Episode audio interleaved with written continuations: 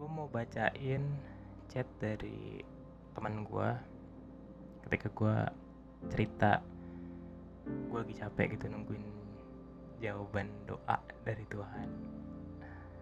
Gue bacain. Dia bilang gini aku paham betul kok gimana rasanya berasa Tuhan kayak nggak jawab jawab gitu kan ya. Tapi ya sekarang tugasmu itu bukan lagi ngerengek untuk minta-minta terus tapi tugasmu tuh tanya sama Tuhan Tuhan aku harus lakuin apa ya? Mungkin Tuhan sedang mempersiapkanmu untuk jadi mental yang lebih kuat. Karena mungkin di dalam penantian ini kamu mau dibentuk jadi pribadi yang lebih hebat lagi. Sabar aja dalam penantian tekun terus berdoa. Lakuin apa yang ada di depanmu tanpa mengurangi usahamu dia bilang gitu ya kan? Terus uh, lanjut. Yang tahu kondisi kamu itu sebenarnya adalah Tuhan.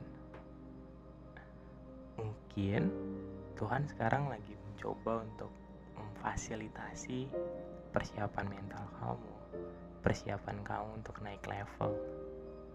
Jadi setiap usaha itu Tuhan lagi pengen ngasih kekuatan dan percayalah semuanya itu nggak akan pernah melebihi kapasitas diri kamu. Dia bilang gitu. Terus uh, dia bilang aku juga sadar setiap persoalan satu selesai satu akan datang lagi. Karena ya itulah hidup gak sih? Terus terakhir dia bilang ya kemarin aja Tuhan nolong kan? Ya pasti saat ini Tuhan akan kembali nolong kok